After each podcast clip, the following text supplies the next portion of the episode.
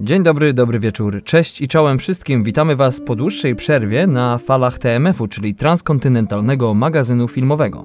Jest wtorek, 25 lipca.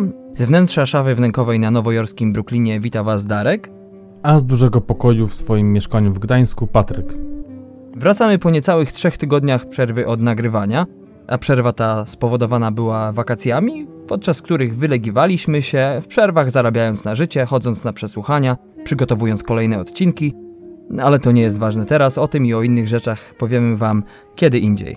Witamy też e, nowych słuchaczy, którzy prawdopodobnie pojawili się u nas dzisiaj z racji niespodzianki wywiadu, który chcemy zaprezentować Wam i dziś, i w następny wtorek. Witam Was serdecznie. Pokrótce, czym jest nasz podcast? Jest to audycja, w której rozmawiamy o filmach mało znanych lub też niedocenionych i jednocześnie prezentujemy i omawiamy premiery oraz dzielimy się z naszymi słuchaczami newsami ze świata filmu. Gdzie nas słuchać? Między innymi i przede wszystkim jest to YouTube, SoundCloud, iTunes czy też Google Music. Jeżeli chodzi o aplikacje podcastowe na telefon z systemem operacyjnym Android, można tu wymienić takie aplikacje jak Pocket Casts, Player FM, Stitcher, Podcast Addict, Podcast Go oraz Castbox i wiele innych.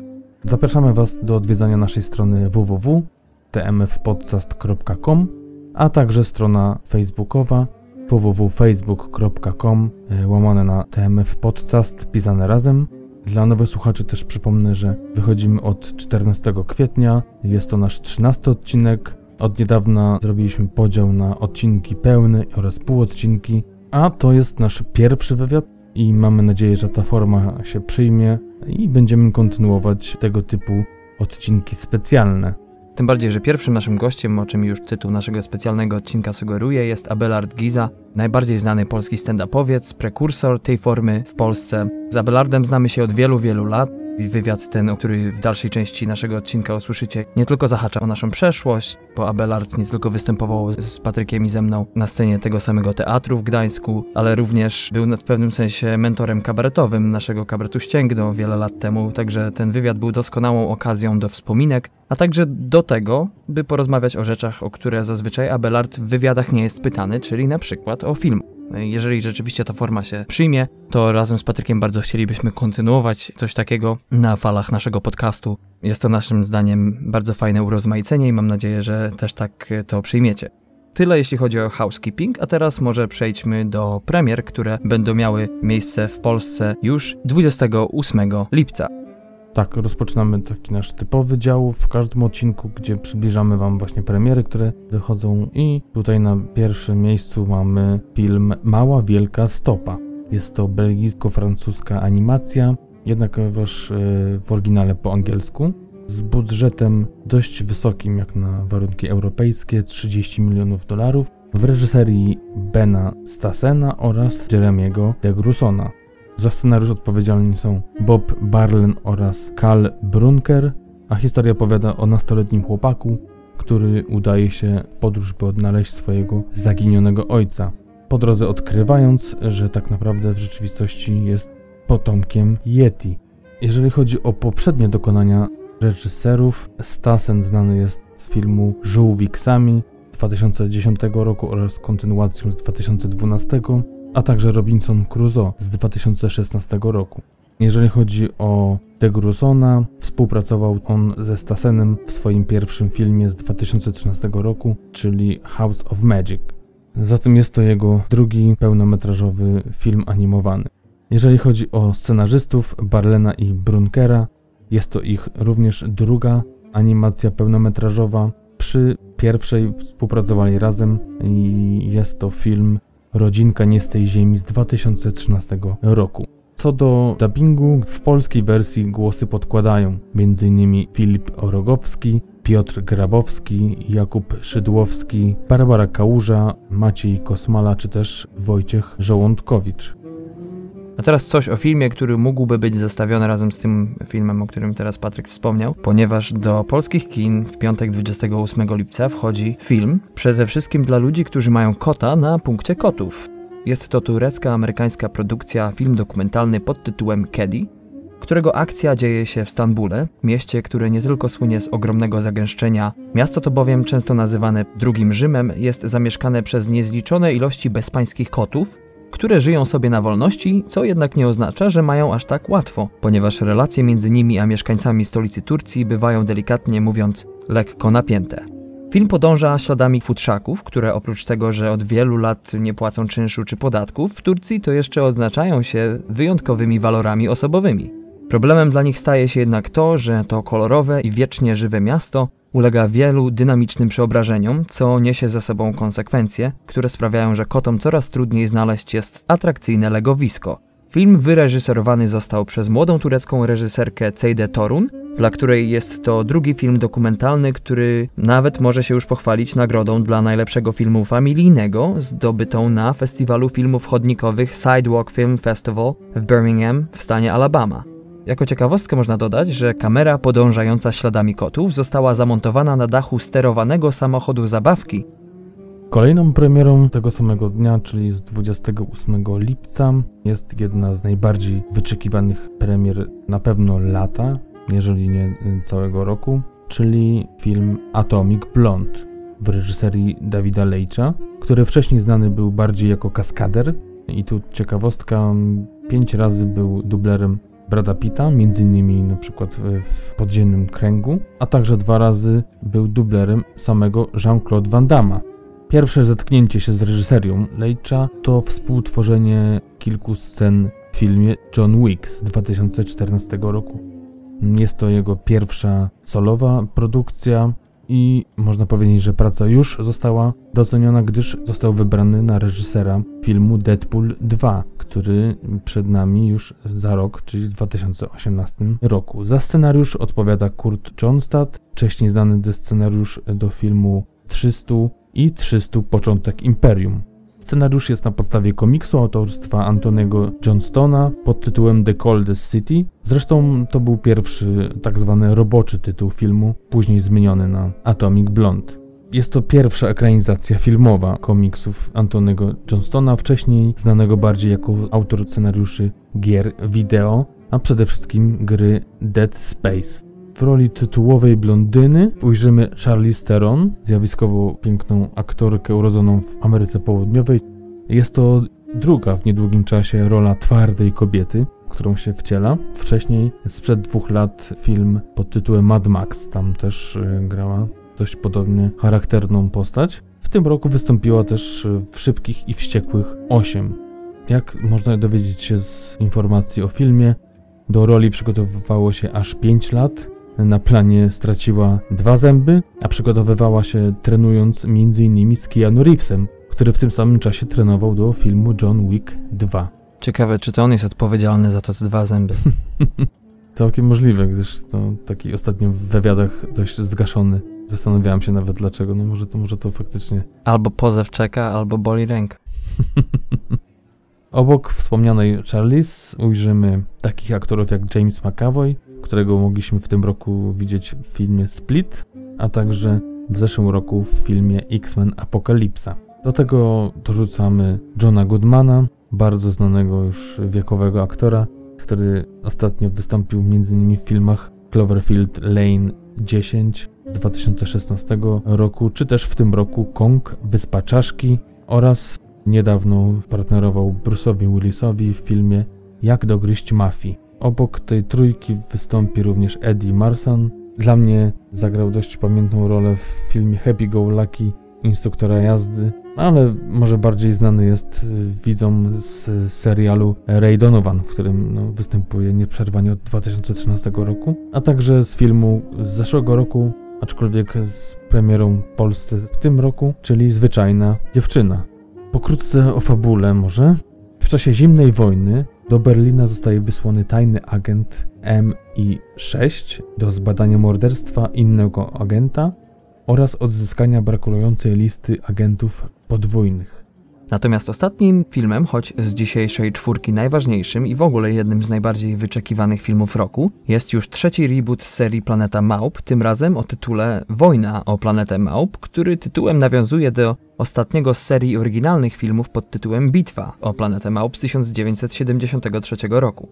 Najnowszy film ukazuje konflikt, do którego dochodzi między Cezarem i jego współbratymcami, a armią złożoną z ludzi dowodzonych przez okrutnego pułkownika. Po serii porażek po stronie małp Cezar przechodzi przemianę duchową i z pomocą swoich najbardziej mrocznych instynktów postanawia pomścić swoją rasę raz na zawsze. Po serii krwawych starć w końcu dochodzi do pojedynku Cezara z pułkownikiem i pojedynek ten raz na zawsze zadecyduje o przyszłości obu ras, jak i samej planety. Trzecia część sagi została napisana i wyreżyserowana przez Mata Reevesa, reżysera poprzedniej części pod tytułem Ewolucja planety Małp z 2014 roku. Dla mnie Reeves najbardziej kojarzy się z filmem Cloverfield, który podobno w Polsce nosi tytuł Projekt Monster. Natomiast należy przypomnieć, że reżyser ten będzie stał na czele kolejnego filmu opowiadającego o losach superbohatera, którego losy są bliskie sercu naszego dzisiejszego gościa specjalnego. Mowa tutaj oczywiście o Batmanie. Film ten podobno jest w fazie prac nad scenariuszem. Wracając jednak do Małp, wspomnijmy tylko, że oryginalna premiera najnowszego filmu miała miejsce 11 dni temu w Stanach Zjednoczonych, a przy budżecie opiewającym na około 150 milionów dolarów, film ten do tej pory zarobił nieco ponad 1 trzecią tej kwoty, czyli około 56 milionów dolarów. Najbardziej znanym aktorem z obsady jest Woody Harrelson, który wciela się w postać wspomnianego pułkownika, a już w październiku zeszłego roku producenci wydali oficjalne oświadczenie zapowiadające pracę nad czwartym rebootem serii o naszych, nazwijmy to, kuzynach ciotecznych. To tyle, jeżeli chodzi o premiery. Przypominamy teraz na ten weekend przed nami, czyli na 28 lipca. Na przed nami już y, główne danie pierwszego odcinka po krótkiej przerwie, czyli wywiad. Wywiad z Abelardem Gizą, człowiekiem, który w tej chwili głównie para się stand-upem.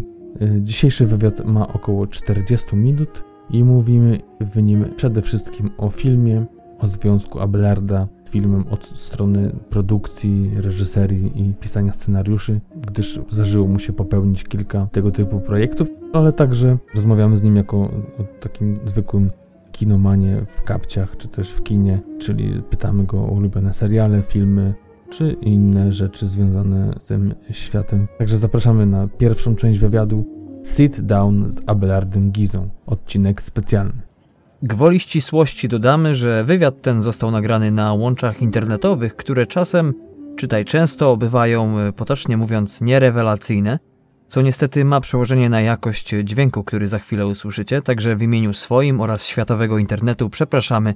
A teraz już wywiad. Witam Was serdecznie w naszym odcinku specjalnym, w którym gościem jest brat zdolnego i coraz bardziej znanego malarza imieniem Hugo, wnuk wykładowcy gdańskiej ASP, również uznanej marki Hugona Laseckiego. Oprócz tego syn Heloizy, aktor mający na swoim koncie tak wybitną rolę jak Pastuszek w Wiesełkach, czy też jednego z hulaków w przedstawieniu Zabawa Sławomira Mrożka w gdańskim Wybrzeżaku. Na deskach tegoż teatru zasłynął również jako pełnokrwista postać w przedstawieniu będącym wyobrażeniem zmieniających się pór roku. Do dziś wybrzmiewają słowa, które z pasją wypowiadał nasz gość, odgrywając rolę wiosny. Zacytuję tutaj z pamięci. Roztopy, roztopy. Do tego był reprezentant swojej klasy w koszykówkę, prywatnie były kolega Jacka Ziobra, wychowany w duchu wolności słowa, uprzejmości oraz naturalnej łagodności. Jeszcze kilkanaście lat temu obsesyjnie stroniący od przekleństw, gentleman, kiedyś pełną buzią, dziś już tylko gębą. Oprócz tego filmowiec zaczynający swoją drogę od poszukiwań zaginionej arki, której to szukał w zakamarkach swojego mieszkania. W młodości autor komiksów, wierszy oraz malunków. Wszystko to do szuflady. A z mniej znanych sukcesów dzisiejszego gościa można by wymienić choćby trzykrotne wygranie najbardziej prestiżowego festiwalu kabaretowego w Polsce Paka w Krakowie i wszelkiej innej niezliczonej maści, nawet tej na komary. Reżyser, scenarzysta, zapewne pełniciel setek innych ról przy realizacji takich filmów jak kultowe już w Gdańsku Wożonko, którym to Patryk i ja również debiutowaliśmy i którego również nasz gość był producentem. Oprócz tego stworzył takie filmy jak Towar, który otrzymał Oscara nagrodę za scenariusz w konkursie filmowym imienia Jana Machulskiego w Warszawie. Oprócz tego film w Stepie Szerokim, który otrzymał Złotego Lwa w kategorii film niezależny na festiwalu w Gdyni, a także nasz gość popełnił też taki film jak Swing, który raczej o huśtawkach nie jest. A dziś jest on znanym polskim stand-uperem i jednym z prekursorów polskiej sceny, jeśli chodzi o wygłupy w pojedynkę. Przed wami Abelard Giza. Cześć Abelard. Cześć, cześć. Cześć chłopaki, tak, znamy tak się śmiejesz, jakbyśmy się nie pierwszy raz witali dzisiaj. No bo się witamy chyba już z siódmych. Przed wizją, na wizji, na fonii, poza fonią, jeszcze raz nagrywamy. Ale dobrze, rozumiem, że to jest profesjonalny podcast i, i, i takie rzeczy się zdarzają, wiadomo. My tu nic nie mamy do ukrycia. To są grube miliony dolarów, które są wpompowane w wasz program. Wiedziałeś na co się piszesz. tak, tak, tak. I to jeszcze moje dolary, bo Patryka to złotówki. Teraz korony raczej. Ja mam koronę teraz. To, to... Tak jest. Dzisiejszy podcast nagrywany jest na linii Gdańsk, e, Szwecja, e, Brooklyn. Jakie miasto? Jakie miasto, Patryk? Helsingborg. O, to tam jest piłkarski klub. Tak, to się wywodzi stąd Zlatan Ibrahimowicz. Tak? Tak. No proszę. Który siedzi obok ciebie. Brawo, pozdrawiam. Daj Zlatan! Usiądź! Niech ktoś pożongluje. No. Razem z Abelardem znamy się bardzo wiele lat. Myśmy się spotkali w Teatrze Wybrzeżak. Patryk e, z Abelardem, wy się znacie o wiele dłużej niż, niż ja z Nie, Abelardem właściwie przecież. się poznaliśmy w Wybrzeżaku chyba, nie, Patryk, z tego co kojarzę. Czy, czy ja coś mylę teraz? Nie, nie, no wszyscy się znamy z Wybrzeżaka, O. tylko my się znamy To z troszeczkę innych wcześniej. grup, no. tak, tak, tak. z innych no. grup i Darek, no nie wiem, 2002 jakoś tak. W no. 97, 98 jakoś tak. No, nie? ja, ja, ja też tak gdzieś. No właśnie, to jest pierwszy powód, dla którego Cię zaprosiliśmy do naszego podcastu. A drugi powód to dlatego, że jest o Tobie dosyć głośno i to głośniej o wiele, od wielu, wielu lat już. I chcieliśmy z Tobą porozmawiać nie tylko na temat stand-upu, bo przeglądając internet, przygotowując się do tego wywiadu, pytania bywają tendencyjne i w zasadzie nie ma rzeczy, o której byśmy nie wiedzieli o Twoim stand-upie. No ale jest to podcast filmowy i też mamy wiele pytań, bo przecież Ty w przeszłości też y, byłeś filmowcem. Nie wiem, czy nadal czujesz się filmowcem. Ach, wiecie co, właśnie ja byłem bardzo zaskoczony propozycją. Mówię, dobra, chłopaki chcą pogadać, dawno się nie widzieliśmy, ziomalsko, spoko, ale filmowo to ja naprawdę, to są zabawa, w, wprawki. No yy, chyba wiesz, sobie, żar- no chyba sobie żartujesz. No jak? Przecież, przecież ta droga, którą sobie gdzieś tam torowałeś, czyli, czyli zaczynając, no to wyglądało jak typowa kariera, czyli pierwszy film, jakiś tam, wiesz, y, w ogóle kultowy wśród tam trójmiejskich podwórek, potem towar, właśnie tą, ta nagroda za scenariusz, potem przecież w Stepie Szerokim było nawet wydane na, na DVD, potem Swing w kinie, przecież ja byłem z moją obecną żoną, byłą dziewczyną na walentynki na tym w kinie, więc no wydawało się, że to jest chwilę, no może nie, nie, nie- nie Hollywood, ale no idealnie, coraz lepiej, tak? Pierwsze trzy minuty już zdenerwowałeś Patryka. Nie no, słuchajcie, no nie oszukujmy się, że po pierwsze kiedyś były trochę inne czasy do kina offowego i niezależnego, że kiedyś każdy, kto miał kamerę i, i miał program do montowania, to po prostu już mógł robić filmy. Teraz jest jeszcze łatwiej, ale już teraz, jak grałem jakiś czas temu w, w takim projekcie dla, chu- u chłopaków w Zielonej Górze, e, nastolatków, którzy Mhm, robili mhm. film i tam grało kilku też moich kumpli, więc ja się jakby też zgodziłem, z Termosem zresztą graliśmy scenę Mhm. i e, chłopaki mieli ujęcia z drona. E, jakby wiesz, coś, co się nie mieści w głowie, No tak. ja, ja wożonką montowałem w ten sposób, że widziałem tylko końcówkę sceny i początek drugiej i próbowałem to skleić. Nie? Miałem taki program. Więc zero umiejętności, zero wiedzy o doświetlaniu, y, o dźwięku, o wszystkim w tych wszystkich produkcjach. Oczywiście to się zmieniało, bo w wożonku robiłem to sam z kamerą, jedną małą taką, wiesz, komunijną. Potem już y, chłopaki w towarze robili mi zdjęcia, Michał Giorow, Marcin Brach z grupy Impact. Potem y, w następnym filmie mieliśmy już dźwięk, bo ktoś tam stał z taką tyczką zrobioną z, z takiego kija do, do mycia okien. A w Swingu już mieliśmy e- ekipę, tylko że tam to wszystko to jest bardzo, bardzo, bardzo taka, wiesz, robota pasjonatów oczywiście, ale chłopaki od powiedzmy Swingu przez te ostatnie 4 lata się bardzo rozwinęli. Ja myślę, że też bym teraz inaczej na to spojrzał już. Mm. No nie, ja mam ten problem ze swoją twórczością filmową, że tak to szumie nazywa. Że ja jak tylko zrobię ten film, oglądam go i mówię, Jezu, muszę go schować, żeby go nikt nie zobaczył. No to się nie da, nie da się. Ale to tego. każdy tak ma. tego się nie da zrobić, tego wiesz, schować, bo, bo to już no, jednak jest, ale, ale przecież swing to przecież, no to, to było jakoś kinowa. Czego tam brakowało? Ja widziałem to na dużym ekranie i... Tak, widzisz to na dużym ekranie i tam być może nawet rozdzielczość była spoko, ale kwestia już scenariusza, wiesz, my zrobiliśmy fajną sztukę, fajną farsę do Mhm. teatru, nie? I ona się bardzo fajnie sprawdziła. Tam była tylko kanapa, pięciu moich bardzo dobrych ziomów, pięcioro właściwie. To była fajna sztuka dla ludzi, którzy przychodzili, wypełniali żak, wiesz, po brzegi przez tam chyba dwa lata, jak graliśmy. I potem pomyślałem, ej, przenieśmy to na ekran, bo to jest proste i zrobimy takich ala przyjaciół, wiesz, coś tam. No ale Mhm. Trochę nie, nie miałem umiejętności przeniesienia tego, jakiejś adaptacji do kina, nie? To znaczy, to po prostu jest taki niby spektakl, niby film, ukryta prawda, tak naprawdę. Wszystko to jest taki miks tych konwencji. Mhm.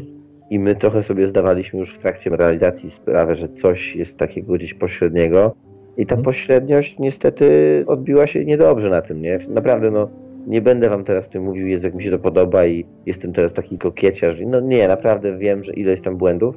Wiecie, sztuka filmowa jest o tyle trudna, że naprawdę warto mieć warsztat. Warto znać smaczki i obsługę sprzętu, i obsługę nie tylko sprzętu w sensie techniczną, ale taką, że wiesz dokładnie do czego służy kamera, jak ją ustawić, jak doświetlić. Reżyser też powinien mieć taką świadomość. Pisanie scenariusza to nie jest bułka z masłem. Przekonałem się o tym ostatnio, bo byłem współpisarzem scenariusza do prawdziwego filmu, który ma, może być kinowym filmem za jakiś czas, o czym możemy za chwilę pogadać.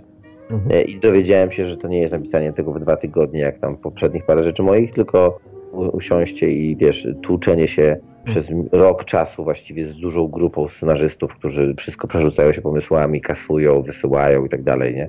Robimy to już z zawodowymi typami, którzy robią e, kino po prostu. Mhm. Więc myślę, że jakbym dzisiaj do czegoś siadał, to trochę inaczej już. Pewnie za- zawsze z tym swoją takim, wiesz, zacięciem ofowym, czyli nie chcę słuchać ważnych ludzi z branży, chcę to zrobić po swojemu, więc to ciągle będzie ofowe i pewnie niezjadliwe za jakiś czas, ale mimo wszystko, no trochę bym już na to inaczej spojrzał. Dlatego jak ktoś mi mówi o tych poprzednich rzeczach, to sobie myślę, a może coś o stand-upie pogadamy. Nie no, w stand-upie to ty gadasz, wiesz, mielesz jęzorem u innych. Ale to jest ciekawe, bo wiesz, ja tak patrzę nawet już na dostępność po prostu wiedzy, wiesz, jak ja pamiętam jeszcze moje czasy w liceum, nie miałem książki, jakiegoś podręcznika, to do widzenia, znikąd się tego nie dowiedziałem, nie?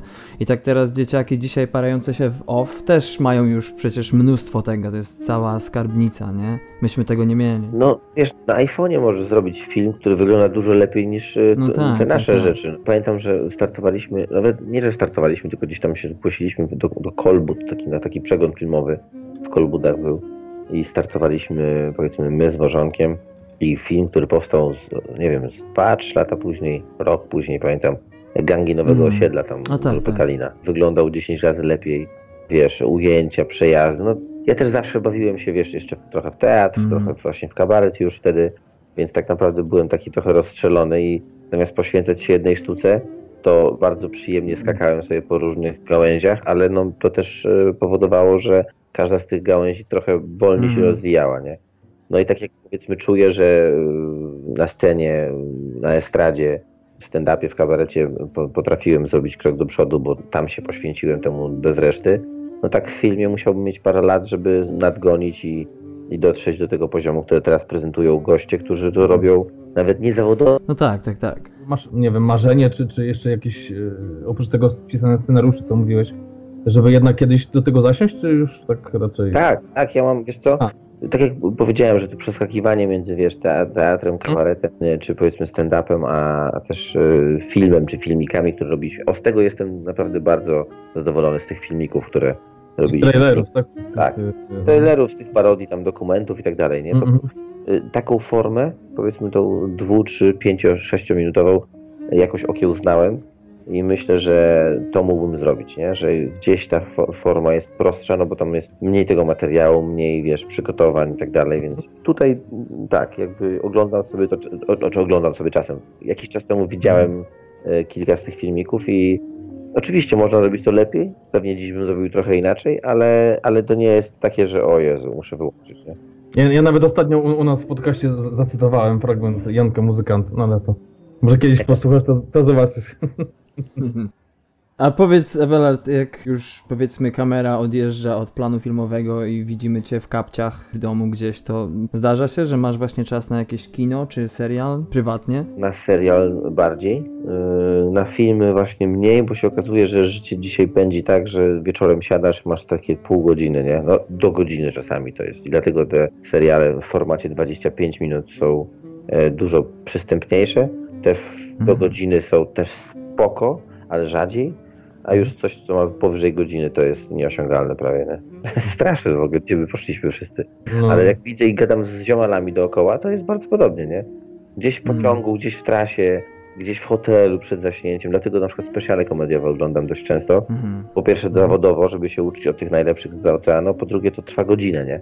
E, No I to No jest tak. do łyknięcia. No tak samo teraz z żoną wyprowadzamy się na Greenpoint i ludzie pytają, "No ale po co, przecież tu masz, wiesz, do pracy 15 minut, na rolkach 4.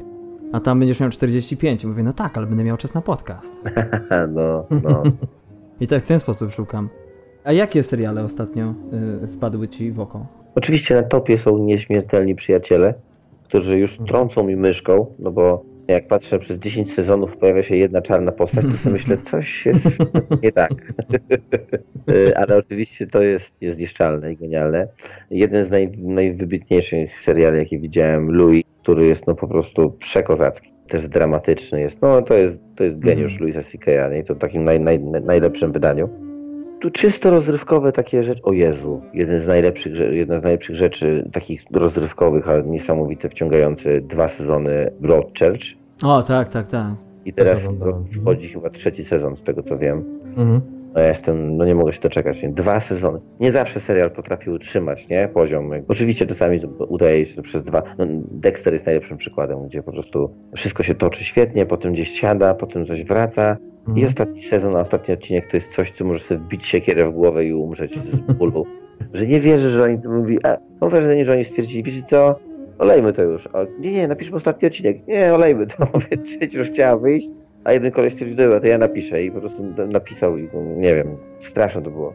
Mnie w ogóle męczył y, cały ten ostatni sezon, bo też byłem wielkim fanem. No ale końcówka, tak jak mówisz, ostatnie sceny to już było już po, ban- po bandzie. Tak, masz rację. To od któregoś tam piątego, szóstego sezonu to już tak jakoś, e? czy nawet od czwartego właściwie, nie, że jak już ten schemat się zrobił, to już takie Mhm. było to wszystko. No ale gdzieś tam czasami się broniły jakieś rzeczy, ale potem to już, to naprawdę, ta końcówka to, Jezus Maria, ja myślałem, że ja do nich napiszę maila, ale nie jestem taki dobry z Mhm. angielskiego. Y, Ale takie rzeczy jak Luther, w ogóle y, te brytyjskie seriale są. No w ogóle wiesz, Sherlock Holmes. A widziałeś Happy Valley? Nie, fajne?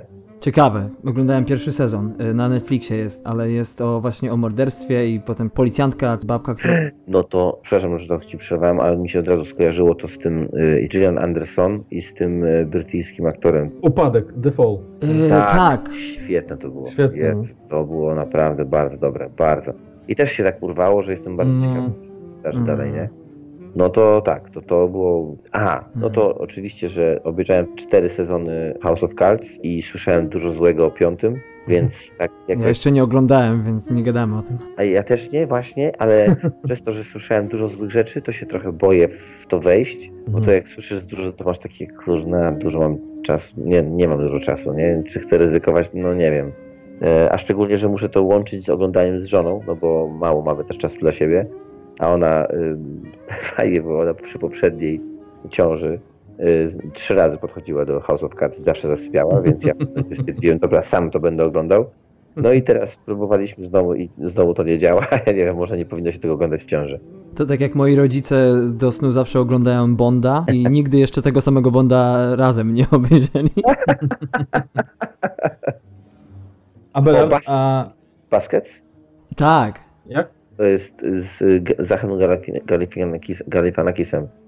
Bardzo ciekawe. Obejrzałem na razie parę odcinków i jest to o klaunie. Facecie, który chce być klaunem. I jest to takie gorzko-słodkie, śmieszne. Bardzo. No, jed, ma, matkę y, jego gra taki wielki koleś i naprawdę wygląda jak matka jego. To jest prześ- bardzo śmieszne i fajne.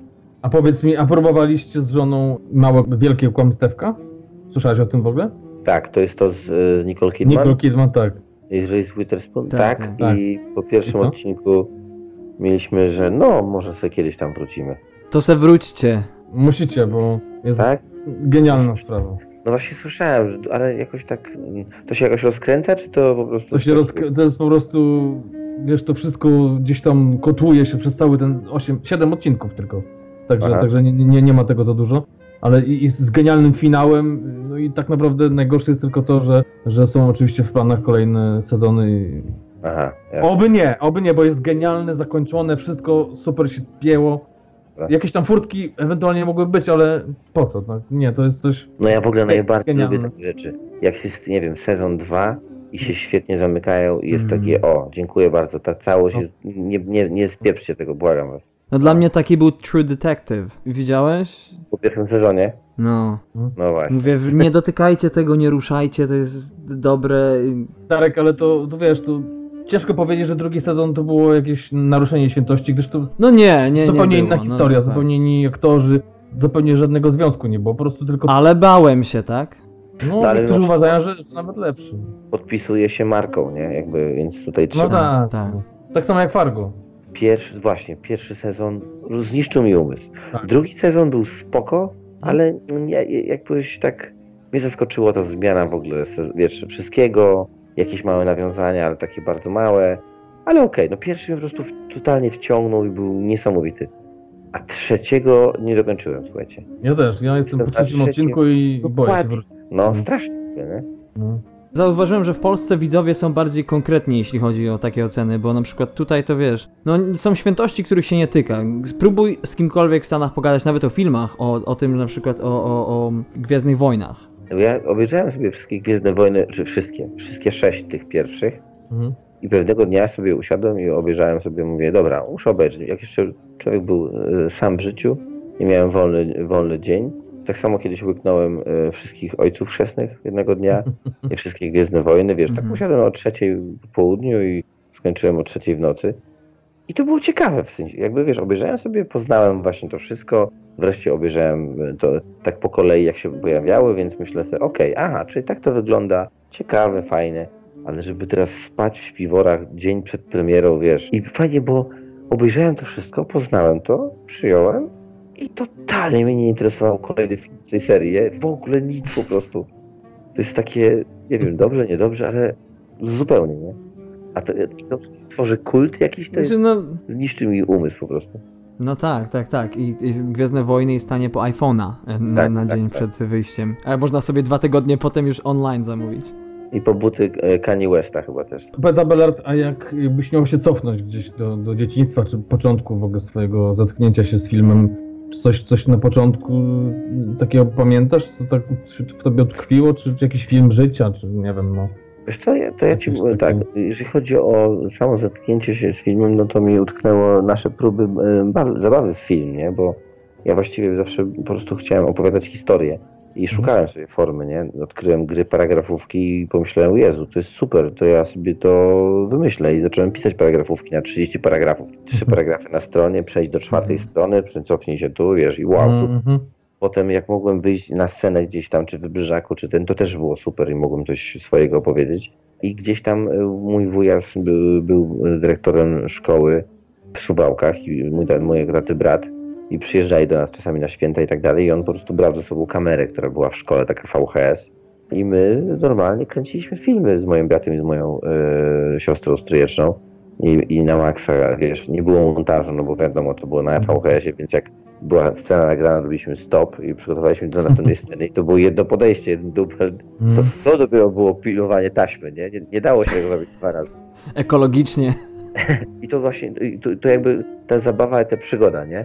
A jeżeli chodzi o filmy życia, no to, Albo na przykład, na przykład co skłoniło cię do, do wzięcia tej kamery do ręki? no wiesz, lubiłem filmy, oglądałem filmy, zawsze mnie kręciło to, że na tym filmie możesz być dokładnie taki, jaki chcesz być i widzisz tylko to, co pokazuje ci kamera, nie? Teraz uważam, że najdoskonalszą formą, moim zdaniem, jest książka, nie? Mimo wszystko. Najstarszą i najdoskonalszą. Naprawdę, jak napiszesz, dobrze opiszesz to, co masz w głowie, to żaden budżet ci tego nie schrzani, montaż, y, gra aktorska i tak dalej. Po prostu piszesz i no, jedyne, to może schrzanić, to odbiorca, nie? Czyli Mm. odczyta to inaczej, albo się Mhm. gdzieś zapisze, albo oleje, albo coś.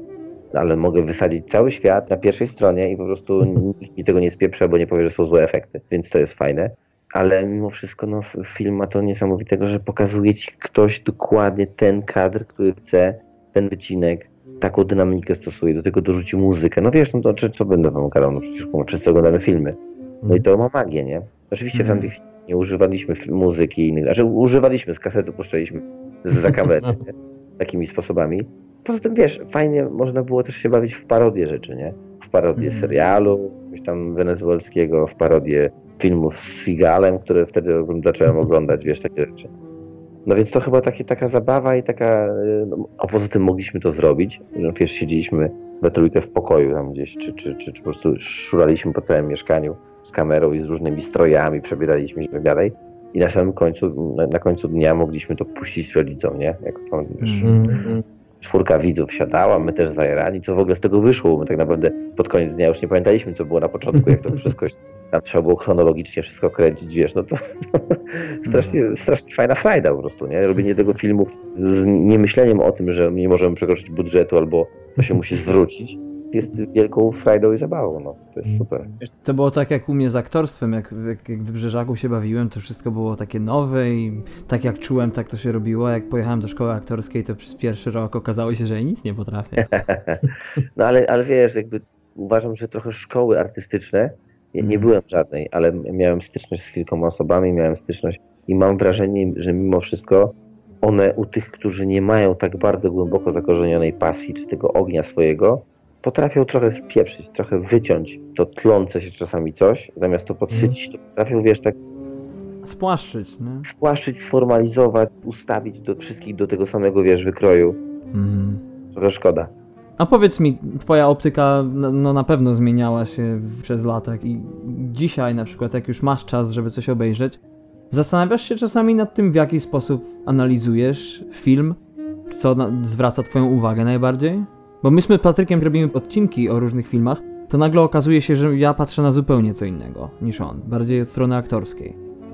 Wiesz, na szczęście jest tak, że y, ja się tym nie zajmuję tak naprawdę do końca, nie? Mm, jestem pasjonatem, lubię się czasem w to pobawić, ale, ale nie jestem takim zwyrolem jak przy stand-upie, że siedzę i cały czas analizuję, jak facet skonstruował żart, jak poprowadził historię, jaką ma dramaturgię programu i tak dalej, nie? Raczej sobie siedzę, jestem widzem i oglądam po prostu i y, chwała każdemu, który po- potrafi mnie wciągnąć w, w opowieść, nie spieprzyć jej aktorstwem złym, czy wiesz, efektami Mhm. i montażem i po prostu wychodzę albo, no z kina to już nie pamiętam kiedy wyszedłem, ostatnio ze Smurfów jak byłem z córką i z żoną i to jest niesamowite uczucie, to, to muszę na chwilę przerwać, bo byliśmy pierwszy raz y, z małą w kinie i oprócz tego, że popcorn ją mocno wciągnął, to jeszcze historia ze Smurfami też na tyle, że bardzo się wzruszyła, jak Smurfetkę tam rozpuściło coś.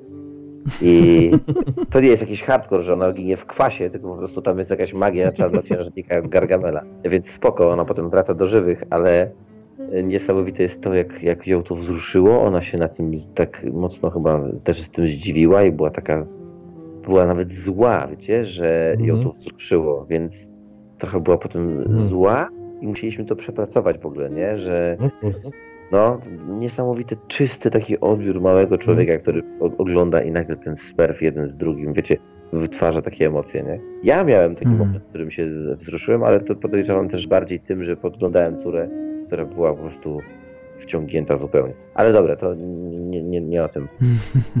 Spoiler o Smurfach. O właśnie, Jezu, zapomniałem, że to jest przecież ktoś mógł nie oglądać. Na początku odcinka powiemy. Dobra. Ale jest też coś takiego, y, że no patrzę chyba najbardziej, jeśli chodzi o filmy, na historię. Nie? Czy to może być świetnie zagrane, to może być mieć świetne efekty, ale jak ja w to nie wierzę, y, jakby nie, nie, nie, nie, nie klei mi się to do kupy, nie, nie ma jakiejś puenty, czy czegoś takiego, wiecie, jakby czegoś takiego wciągającego w samej historii, w Mhm. scenariuszu, Mhm. no to, to chyba to mnie najbardziej wkurza. Nie? Ja nie potrafię oglądać gniota e, inaczej, bo to nie chcę obrażać też ludzi, którzy ludzie różne gatunki lubią i tak dalej. No dla mnie nie do obejrzenia jest wściekli, szybcy, tam martwi i wściekli, czy jakkolwiek tam się nazywa. Nawet taksi Bessona mnie wkurzało po prostu, bo wkurzam jak facet zasuwa jakimś samochodem super szybkim, nikogo nie potrącił, wiesz, a jedzie przez 15 minut centrum miasta. No to jest, wolę jakieś y, rzeczy, które są gdzieś oparte na jakiejś prawdzie, albo przynajmniej się gdzieś y, zawieszają w świecie, Mhm. który mógłbym zobaczyć, nie? Można powiedzieć, nie lubisz świata doskonałego w pewien sposób? No Chyba tak, bo y, wiesz, y, y, może gdybym był Hindusem i miał swój zły świat i chciałbym oglądać, y, wiesz, ten doskonały świat, bo, bo, bo po prostu łatwiej by mi się żyło, nie? Ale Mhm. ja sobie nie mówię, że mam doskonały świat, absolutnie, tylko mówię o tym, że żaden idealny film, wiesz, ja oglądam idealne wiadomości w, w TVP po prostu i coś tam nie gra, nie? Więc mi to nie pomaga, żeby sobie żyć, o pięknie, tak jest na świecie, cudownie, bez, bez, bez kolizji, nie? Ja, ja lubię jak coś y, jest, ja w ogóle chyba lubię emocje chropowate takie, nie? Że nie wszystko jest zbyt smutne, nie wszystko jest zbyt piękne, nie wszystko jest zbyt złe, bo to jest takie płaskie po prostu. Jak jest zły bohater, który cię czymś ujmuje, który ma w sobie jedną taką cechę, że myślisz, kurde, wow, jakby, wiesz, wyrywać się z tego zła, no chyba, że oglądam, wiesz, film, nie wiem, o Batmanie, chociaż z drugiej strony, na przykład seria Nolana, Mhm. dlatego była genialna, nie, że Mhm. nawet tego Jokera byłem w stanie zrozumieć momentami, nie? że jakby gdzieś gdzieś on był taki chropowaty właśnie i ta chropowatość jest najgenialniejsza w kinie, nie? Nie te stare westerny, tylko właśnie na przykład bez przebaczenia jest y, też tym czymś, co jest już trochę nowocześniejszym podejściem do kina, nie? W którym ten facet nie jest czarno-biały, jest szary, jest taki, do którego docierasz i myślisz, że go znasz, a nie znasz go absolutnie, bo on zaraz cię może zaskoczyć czymś innym, nie? A powiedz, a, jak, a jak, jak w takim razie y, do tego się odnosi polskie kino? Jak myślisz o polskich filmach teraz? Jak to w ogóle? Coś śledzisz, oglądasz, coś cię interesuje? Mało śledzę tak naprawdę, ale powiem wam, że Polacy potrafią zrobić y, naprawdę dobry dramat. To już jest oczywiste trochę, to nie jest jakaś nowość, że No od tak. roku się dzieje, tylko od paru Mhm. lat, no wiesz, no już parę lat temu obejrzałem sobie Chrzest Wrony i no po prostu niesamowity film. No zniszczył mnie, był, niesa- był genialny. E, udało mi się poznać na żywo, pogadać sobie mm, i zbić pionę z e, Adamem Woronowiczem, który no, jest prześmiesznym, fajnym, wyluzowanym, pozytywnym gościem, ale to, co zrobił w szcie, to po prostu zniszczył mi umysł, no nie? Jakby Oj. ja się bałem tego typa. Dla mnie on zawsze był takim grzecznym, wiesz, y, papieżem prawie, że nie. Natomiast z tego względu, że spędzam czas poza Polską, to za wiele rzeczy z nim nie widziałem, ale potem w czasie honoru się pojawił jako Esbek. I po prostu ten, ten jego czarny charakter, ta, ta psychopatyczność. Ja bym go no, tak naprawdę Woronowicza bym zestawił z Chyrą. To dla mnie dwaj, którzy zawsze mi się kojarzą, wymiennie. A dla mnie właśnie, właśnie- jakby Woronowicz ma jeszcze w sobie coś takiego głębszego, bo on potrafi zrobić fantastyczny epizod, na przykład y, w, i to znowu wracam do y, Wrony, w Demonie, nie wiem czy widzieliście. Mhm. No po prostu ten lekarz tam jest fantastyczny, jest śmieszny, jest, y, jest strasznie smutny przy okazji. Ja jestem wielkim fanem tego człowieka i jak go poznałem, ale to nie jest jakaś przyjaźń, po prostu się poznaliśmy, on widział nasz występ y, na gali stand-upu. E, Wcześniej mieliśmy okazję z nim zrobić parę takich wprawek, y, scenek, y, nagraliśmy. I no wiesz, aż się wstydzisz podejść, nie? Bo myślisz sobie, że to jest taka postać, taki człowiek, nie? Niesamowity, no. No i to, co robi, to jest w ogóle wow. Ja tego pamiętam jeszcze, nie wiem, czy, czy kojarzycie w filmie Rewers. Oj tak. Świetnie też, epizod takiego podchmielonego, Ja dawno Abstyfikanta. tego, dawno temu Mm. widziałem, więc tak.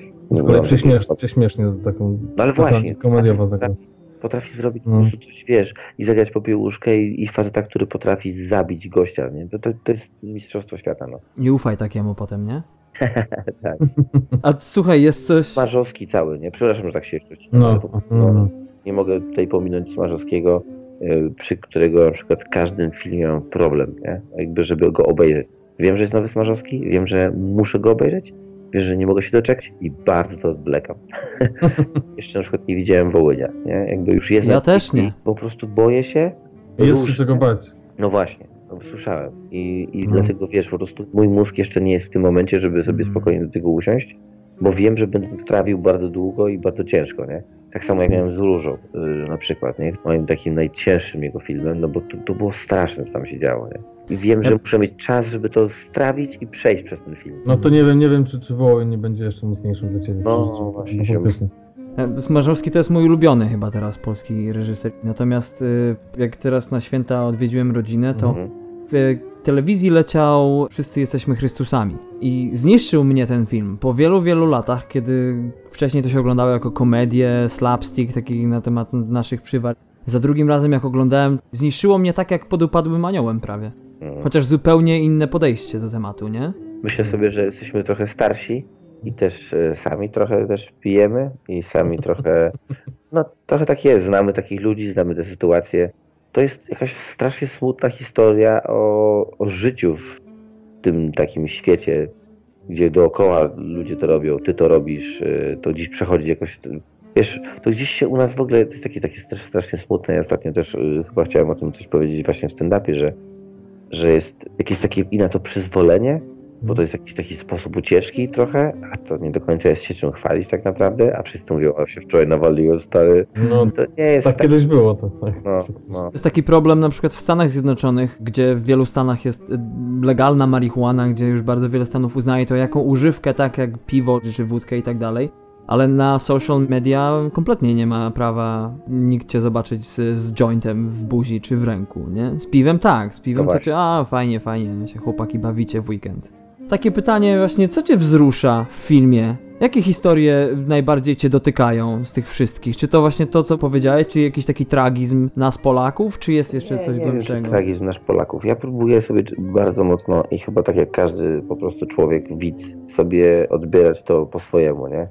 Oglądasz smerfetkę i nie wiesz czemu zaczynasz się wzruszać. Oczywiście podejrzewam, że paru typów, którzy piszą scenariusz i wiedzą jak podłożyć dobrą muzykę do, do, do filmu Mhm. o Spider-Manie czy o Smurfach i gdzie dać łopoczącą amerykańską flagę, Mhm. patetyczną muzykę, to wiedzą jak to zrobić, wiedzą dlaczego. Ja nie mam pojęcia czemu mi się łezka zakręciła, nie? Bo jakiś facet w trykocie stoi na budynku i a w tle łopocze flaga nie mojego kraju, nie? To są takie zabiegi, które po prostu oni wiedzą jak zrobić, czy dziewczynka, wiesz, y, w planecie singli na przykład, które bardzo lubię i obejrzałem i jakby byłem taki, no naprawdę dobra, dobry kawał rozrywki. E, No tam dziewczynka, wiesz, gra i śpiewa, jest podłożona muzyka grechuty, parę takich zabiegów, że dokładnie wie, że będziesz płakał i klasyka. Love Actually na przykład, ale to Mhm. wszystko oprócz takich klasycznych jakichś schematów, które jeżeli są dobrze zrobione, to chwała im za to, że są i że potrafią nas wzruszyć i po, to, sobie, po to jest kino właściwie, żeby przeżyć jakieś emocje, Mm. a nie żeby siedzieć i ech, to, to był film, dzięki. Ale y, chyba głównie przeżywam zawsze to, co mnie akurat dotyczy, nie? I to jest Mhm. najfajniejsze, że ten y, ktoś, kto wymyślał historię, kto reżyserował, a nie miał nawet pojęcia, że może mnie wzruszyć y, scena, jak y, przejeżdża żółty samochód, a mi się akurat żółty samochód kojarzy z moim wujkiem, który coś tam i po prostu nagle mówi, Jezu, przecież wujek zmarł dwa dni temu. Jezus Maria, jaki to jest smutna scena. A facet po prostu jechał, bo jest taksówkarzem i to jest, to jest wszystko. Więc chyba dużo rzeczy wyłapuję takich trochę, które, gdzie ja jestem w życiu, wiesz, inaczej reagowałem na filmy o dzieciach kiedyś, a inaczej teraz.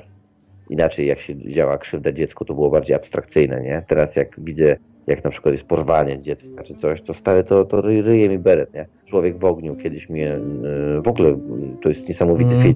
film, nie? Ale teraz, No tak. jak córkę w wieku 4 lat, no to rozumiesz, to, to niszczy umysł po prostu, w którym no, ktoś porywa ci dziecko, nie? To, to jakby patrzysz na to zupełnie inaczej. I tak myślę sobie, że chyba w ogóle tak trochę odbiera się kino bardzo od, od siebie, nie? A czujesz, że jesteś w ogóle emocjonalną osobą? Wzrusza cię sporo w życiu? Może to jest trywialne pytanie, ale w zasadzie... Potrafi, potrafisz właśnie tak uronić łezkę, może nie, nie, nie przy takiej fladze, tylko przy jakiejś takiej właśnie, no, a propos ta smerfetka, coś, coś takiego. Ja na przykład jestem fanem całej trylogii Nolana, e, Batmanowej. I na ostatnim, e, wiesz, e, ostatnich ujęciach trzeciej części, która tam nie wszystkim podeszła, ja się wzruszyłem, nie? Gdzieś wiedziałem, że to jest ostatnia część przygód Mhm. tego człowieka i Nolana i Batmana łącznie jakby, nie? A ten team mi się podobał, więc trochę się Mhm. wzruszałem po prostu zakończeniem jakiejś przygody. I też, no mi robią te wszystkie Batmanowe rzeczy. Jestem wariatem na temat Batmana. Nie, nie, nie, nie jestem jakimś psychofanem absolutnie, ale uwielbiam po prostu, nie? Do tej pory moja żona na jakiś prezent mi czasem kupi, wiesz, tam samochodzik Batmana do składania, Mhm. albo po prostu e, notes z Batmanem do pomysłu, wiesz, jakby Batman, znaczek Batmana to jest mnie po prostu taki, wiesz, dla mnie najgenialniejszy bohater, super bohater. Punishera uwielbiam i Batmana, dlatego, że to są ludzie. Punisher używa po prostu broni, ale jest mniej szlachetnym bohaterem, nie? A Batman, Mhm. ten Nolanowski w ogóle, jest y, człowiekiem, który się potyka, spada z budynku. E, No jest milionerem, więc wiadomo, to jest ta jego supermoc i te jego sprzęty, ale to jest dla mnie, wiesz, od lat y, bohater numer jeden, więc kiedy coś mu się dzieje, kiedy go boli, to też płaczę, nie? Powiedz, a powiedz, jaki masz stosunek do antybohaterów? Mm, Jest jakiś, który kiedyś ci, powiedzmy, zrobił? Który, ale który... antybohater w sensie... Ktoś, y, kto staje na drodze głównego bohatera, czy też superbohatera. Typu Joker. Joker tak. I to właśnie ten e, klasyczny, znaczy no klasyczny, ten, ten, ten, ten, ten wybitny Joker Ledgera. Bardzo mi się podobał e, Mhm. Gary Oldman w Leonie Zawodowcu. Właściwie tu wracam do, do, do swoich czterech ukochanych filmów. Miałem kiedyś taką listę, jak dużo oglądałem i to było jak miałem między 25 a 30 lat, to dużo wtedy oglądałem i miałem cztery filmy, które były dla mnie, ja miałem, wiesz, miałem taki plik w komputerze i oceniałem po każdym obejrzeniu filmu, tam pisałem jakieś szczegóły, no to cała jakaś tabelka zrąbana. Powinniście z Patrykiem robić ten podcast. Nie, bo ja już teraz nic z tego nie pamiętam, ale wiem, że były cztery filmy takie. Cztery filmy Leon Zawodowiec i to jest Gary Oldman, tam po prostu niższy system też, ale no oczywiście ten cały film jest genialny, nie? Siedem, Mhm. uwielbiam też i, i sam zabieg wprowadzenia e, Spacey'ego pod koniec, napisanie na końcu filmu, że to on wystąpił, ten klimat, genialny, no w ogóle ten scenariusz, który po prostu puch, niszczy umysł i ten film po prostu zrył mi beret i jest przegenialny. Trzeci film, jeden z naj, najcudowniejszych filmów, jakie w życiu widziałem i tam, co go obejrzałem, to ryczałem, a w różnych etapach swojego życia z różnych powodów. E, Big Fish, naszego Bartona kochanego. Wielka baja, cudowna, wiesz. A potem tak naprawdę spojrzenie na ojca i syna, o to głównie tam chodzi, nie? O to, jak my Mhm. postrzegamy historię naszych dziadków czy rodziców właśnie. To jest tak głęboka opowieść, że wu. I ostatni film, e, Ostatnie Kuszenie Chrystusa.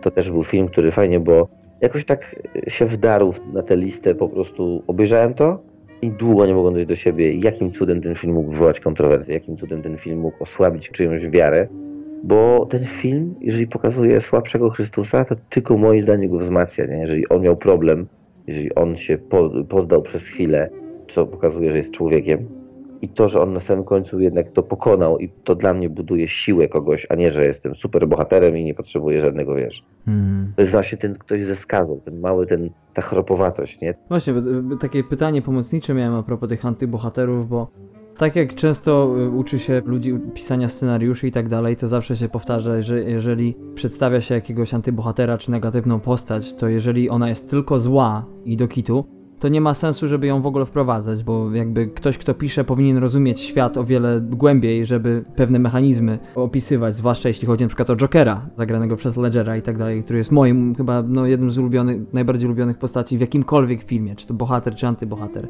Ale czy masz coś na przykład takiego, jak oglądasz właśnie film i masz tych antybohaterów, czy jesteś w stanie ich zrozumieć często? Czy jest coś na przykład, co sprawia, że zastanawiasz się nad ich, wiesz, motywacją? Czy stają się kiedykolwiek dla ciebie ludzcy, czy jakby nie masz takiego związku z nimi? No to, to jest najciekawsze, jeżeli tak się dzieje, nie? nie? Jakby mam tak czasami, wtedy czuję, że to jest dokładnie to, o co chodzi w kinie. Nie? Jakby, I to nie chodzi o to, że dość cwanie, tak jak w Dexterze, robimy sobie ze złego y, jakby zachowania, czyli tam z mordowania, jakąś y, dobrą cechę, nie? To jakby nie do końca o to chodzi, bo to jest patent na całość, na, na cały serial. Bardziej mnie interesują takie, znaczy to też jest fajne, ale bardziej mnie interesują smaczki w postaciach, gdzie nagle się okazuje, że ten zły taki nie do końca jest zły, nie? Że to z czegoś wynika, że on o coś walczy też, że on chciałby coś jednak naprawić tak naprawdę trochę po swojemu. To jest najciekawsze tak naprawdę i A, albo że, co, że coś go może go tak ukształtowało, jakby na to nie miał wpływu, albo nie wiem, dzieciństwo. No, coś. no, no, no, no, no, no maksa, nie? I to, Mhm. tylko, że właśnie jak to nie jest taki prosty patent, nie? Czyli na No, przykład no, no, no. bili go w dzieciństwie, więc on teraz Mhm. morduje całe miasto, tylko to są takie maciupeńkie rzeczy, które wychodzą, Mhm.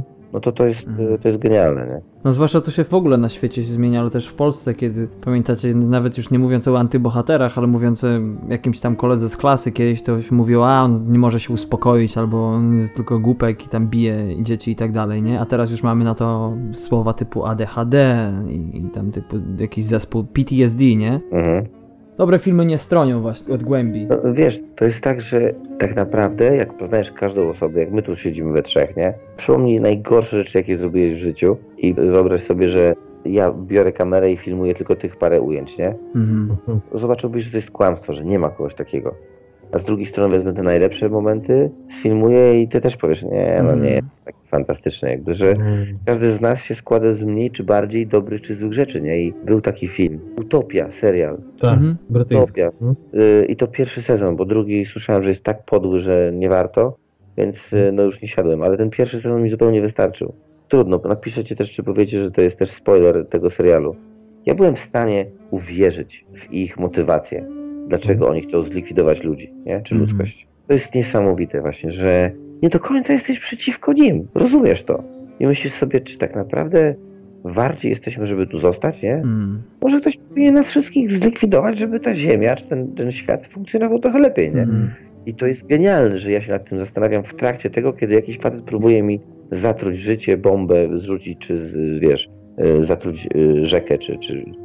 Wiecie o co chodzi. To, to są Mhm. genialne rozkminy. Siedzisz i nie wiesz, odchodzisz od tego komputera, czy od tego, od tego y, telewizora i nie wiesz, czy to było dobre, czy to nie było dobre. Po to Mhm. jest kino w ogóle, żeby sobie zadawać pytania, żeby się zastanawiać.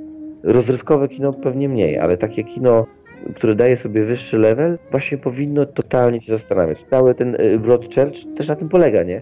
Że w jednym sezonie okazuje się coś i mówisz, o, bójki, a drugi nagle, aha, no dobra, poczekajcie, jakby to wszystko nie jest takie proste, nie? Belfer Mm. przecież. To nie jest czarno-białe, że jest ktoś zły i ktoś jest dobry, nie? To jest super. No tak. I to, moi drodzy, na tyle, jeśli chodzi o nasz pierwszy odcinek specjalny i wywiad z Abelardem.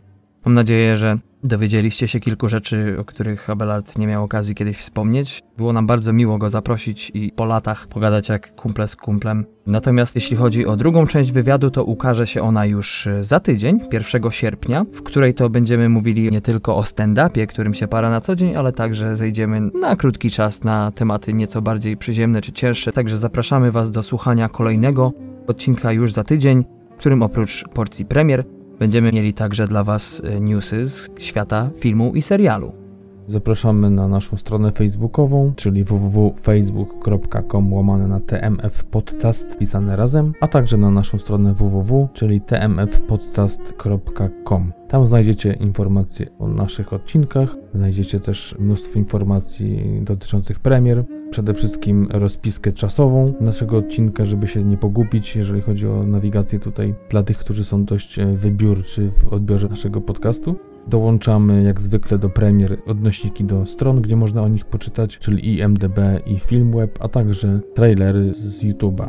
Oprócz tego chcielibyśmy wspomnieć Wam o naszej sekcji filmów krótkometrażowych, którą znajdziecie na naszej stronie www. Zatem dziękujemy Wam jeszcze raz, że byliście z nami dzisiaj, za odsłuchanie naszego odcinka. Jeszcze raz zapraszamy już za tydzień, 1 sierpnia, na falę TMF-u, czyli Transkontynentalnego Magazynu Filmowego. Z tej strony mówił do Was Darek. A z drugiej Patryk. Dzięki. Cześć!